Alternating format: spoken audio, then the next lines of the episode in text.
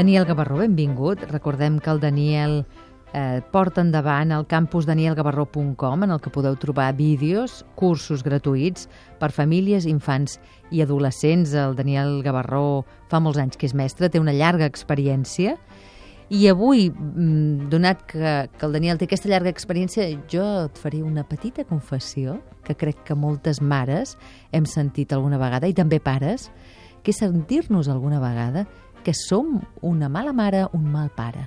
Sí, sóc una mala mare, sóc un mal pare, això sovint ens ho diem, no? I aquesta que és la secció d'Educar per la Felicitat, jo penso que val la pena posar en dubte aquesta frase, o si més no matitzar-la, perquè també tenim dret com a pares i mares a ser feliços. I, I si jo no sóc feliç no puc transmetre la felicitat al meu fill. Però aquesta realitat de que jo em trobo pensant de mi mateix que sóc una mala mare, sóc un mal pare, m'impedeix alhora transmetre la felicitat al meu fill. I a mi m'agradaria donar una idea fonamental. Tothom, fa, fa uns dies, nosaltres, en un programa anterior, nosaltres parlàvem de que tothom fa el màxim que pot, de que el mal no existeix, de que el llop és bo. Jo també sóc bona, el passa que m'equivoco. I aquí hi ha una reflexió que, que et vull fer una pregunta.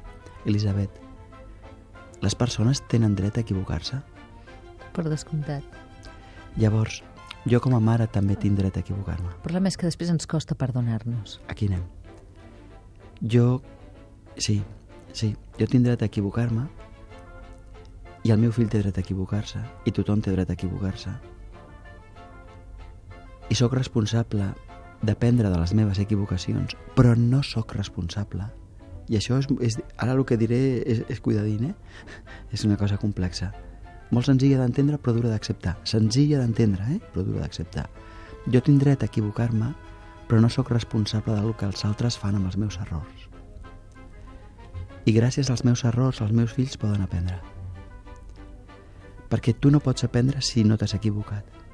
Si jo m'he equivocat, és també una cosa que a la nostra família podem, podem celebrar podem no només perdonar, sinó valorar. Gràcies a aquest error hem après aquesta cosa. Quina sort hem tingut.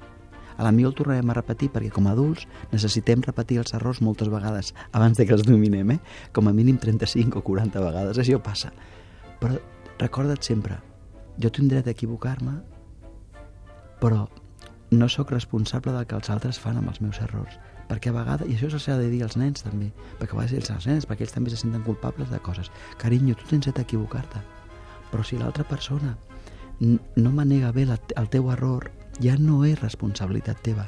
És una oportunitat per l'altra persona que tant de bo pugui aprofitar. I fixa't que estic dient, els nostres errors són una, són una oportunitat pels altres.